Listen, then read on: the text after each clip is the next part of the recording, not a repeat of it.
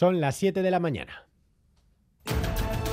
En Radio Euskadi, Boulevard. Con Xavier García Ramsten. ¿Qué tal? Legunón, PNV y Euskal Herria Bildu muestran ya su disposición a negociar los presupuestos generales del Estado, unas cuentas marcadas por la guerra de Ucrania y por la crisis, más gasto social para el desempleo, las pensiones, los abonos del transporte, pero también, eh, consecuencia de la invasión rusa, más gasto militar. Un 25% aumentará el presupuesto en defensa en Gambara en Radio Euskadi el portavoz de Unidas Podemos, Pablo Fernández, aseguraba anoche que el PSOE les ha ocultado este último detalle decimos abiertamente que nos han ocultado el aumento unilateral en el gasto en defensa y que esto nos parece francamente lamentable. Esta mañana a las 9 nos visita el secretario general del Partido Socialista de Euskadi, Eneco Andueza.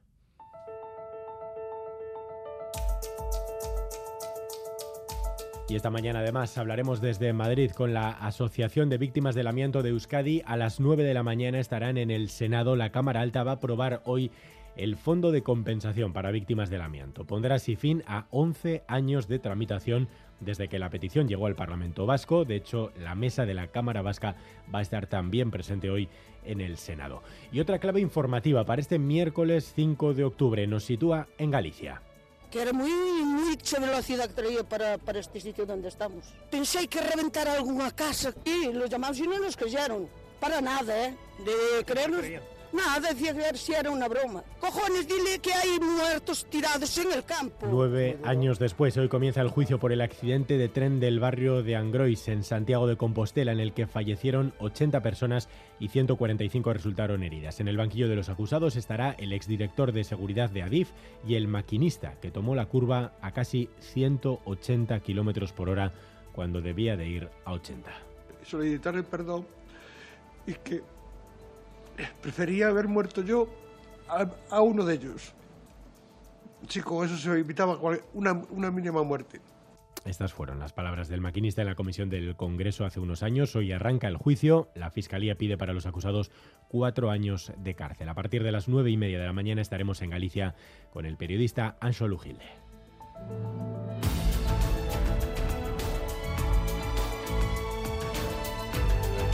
Ichaso Güemes, según Repasamos antes otros titulares del día con Leire García. En Euskadi el mes pasado se cerró con 6.600 cotizantes más a la Seguridad Social, el mejor mes de septiembre de la serie histórica. El 31% de los contratos son indefinidos, tres veces más que antes de la aprobación de la reforma laboral en Navarra. Ha aumentado ligeramente el número de personas en paro. En septiembre se sumaron 43 cotizantes más. La otra cara de las cifras sobre el empleo es la que se está viviendo en las plantas de Siemens Gamesa. No habrá despidos en las de Munguía o Asteasu, pero sí en Zamudio y Sarriguren. En total, 475 puestos, de ellos 352 son empleos en las oficinas. En Gambara de Radio Euskadi estuvo ayer Clara Fernández, secretaria general de Comisiones Obreras en Siemens Gamesa.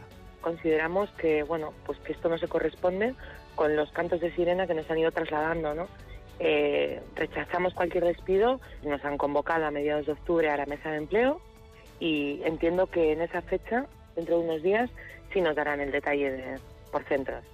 Miren, el Garresta sustituye a Izaskun Landaida, directora de Macunde, durante la última década. Hasta ahora, el Garresta era directora general para la igualdad entre mujeres y hombres en la Diputación Foral de Guipúzcoa. Anunciaba el nombramiento la consejera Beatriz Artola Zaval.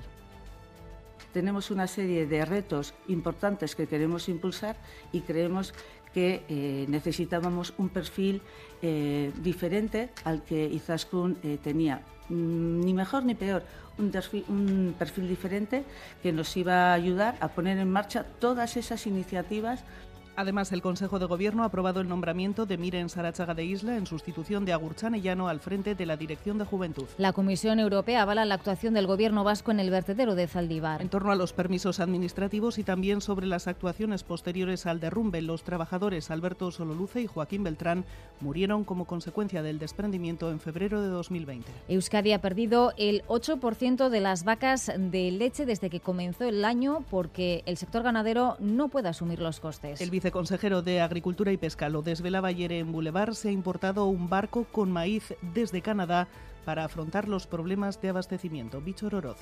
De hecho, ahora vamos a empezar a ver en el Estado problemas de abastecimiento de leche. Hay poca leche en el mercado. Los precios de la leche en estos momentos están totalmente alterados. Es porque realmente no hay leche. A partir de las ocho y media en Boulevard, el testimonio de Óscar Barreras, ganadero de Carranza. Él se ha visto obligado a sacrificar vacas de su explotación por la falta de rentabilidad. Y esta mañana Boulevard viaja montado en un camión de la basura. Ayuntamientos, mancomunidades, cuadrillas están empezando a multar a las personas que dejan residuos fuera del contenedor. En algunas localidades esas multas alcanzan los 750 euros. Esta mañana queremos comprobar in situ hasta qué punto somos incívicos. Sonia Hernando, ¿dónde estás exactamente, Egunon?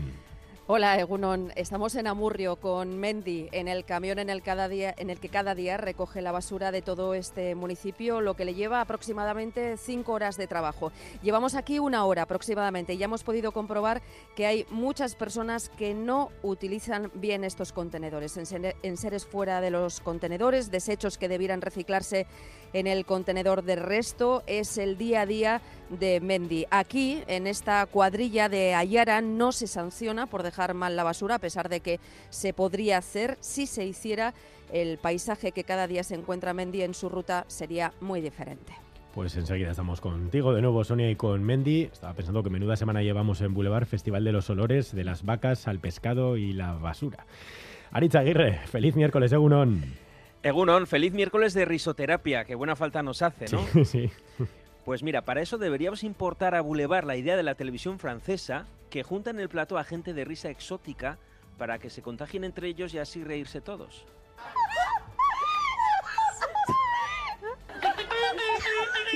Parecen llenas.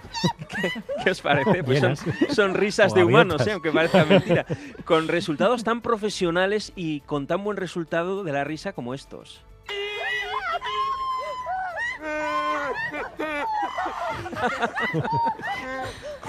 Bueno, pues para risoterapia, el Pleno Municipal de Cádiz, cuando llega el turno de palabra de la ciudadanía, el consistorio se convierte en un karaoke emitido en directo, porque el delegado del sindicato SECID, Benito Santos, lo ha vuelto a hacer esta semana, protestar cantando a favor de las condiciones de los empleados públicos.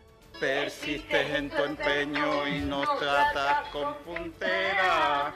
No mal que todos piensen Esto también hay que importarlo, ¿eh? Con la canción de Nolasco, eh, pero para ello se lleva un altavoz Bluetooth, porque hoy escucháis dos voces, ¿verdad? Pero una es la voz de que eh, emana del altavoz Bluetooth que lo arrima al micrófono, pone la melodía grabada de antes con una compañera y él canta por encima a dos voces en directo. Music Play Mode. Se oye el rumor de un Así empieza ¿eh? el altavoz Bluetooth. Decimos que lo ha vuelto a hacer porque ya lo hizo hace tres meses, protestar cantando Soy una taza contra el alcalde Kichi con la letra adaptada a la ocasión. Dirijo puestos que me reclaman, me hago el sordo con gran pasión.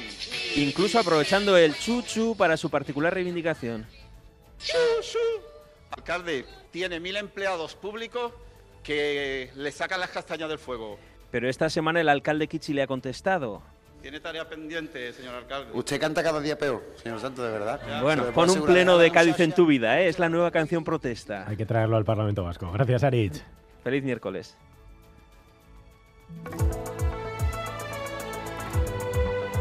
Boulevard. El tiempo.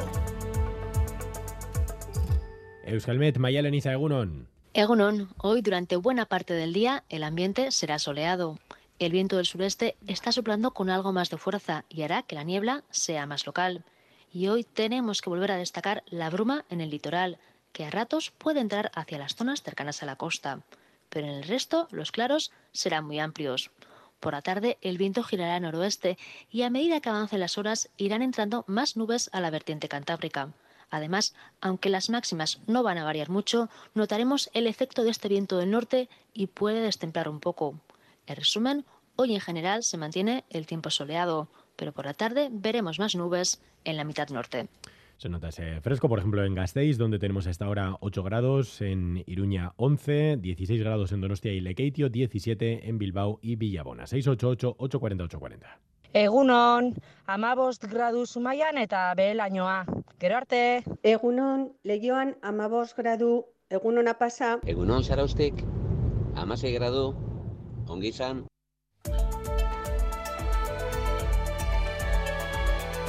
Boulevard. Tráfico. Asier Herrero, Egunon. Egunon, sí, desde las 8 de la mañana el puerto de Arlabán permanecerá cerrado hasta el 12 de octubre por las obras de estabilización de la Guipúzcoa 627. Por lo tanto, la comunicación entre las localidades del Alto de Baigasteiz por esta vía quedará interrumpida.